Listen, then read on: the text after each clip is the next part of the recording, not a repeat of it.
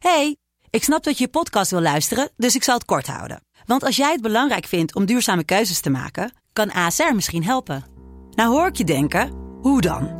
Nou, bijvoorbeeld bij het duurzaam herstellen van schade. Of de premies die we beleggen volgens ons duurzaam beleggingsbeleid. Dat bepaalt waar we wel en juist niet in investeren. Wil je meer weten over welke duurzame keuzes ASR maakt? Ga dan naar asr.nl slash duurzame keuzes. ASR doet het. Zo, dan kan je nu lekker naar je podcast luisteren.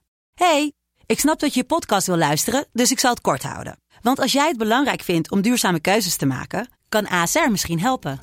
Nou hoor ik je denken, hoe dan? Nou, bijvoorbeeld bij het duurzaam herstellen van schade. Of de premies die we beleggen volgens ons duurzaam beleggingsbeleid. Dat bepaalt waar we wel en juist niet in investeren. Wil je meer weten over welke duurzame keuzes ASR maakt? Ga dan naar asr.nl slash duurzame keuzes. ASR doet het. Zo, dan kan je nu lekker naar je podcast luisteren. Mand. Dit is Mand, de kortste podcast over Nederland. Nee, sorry.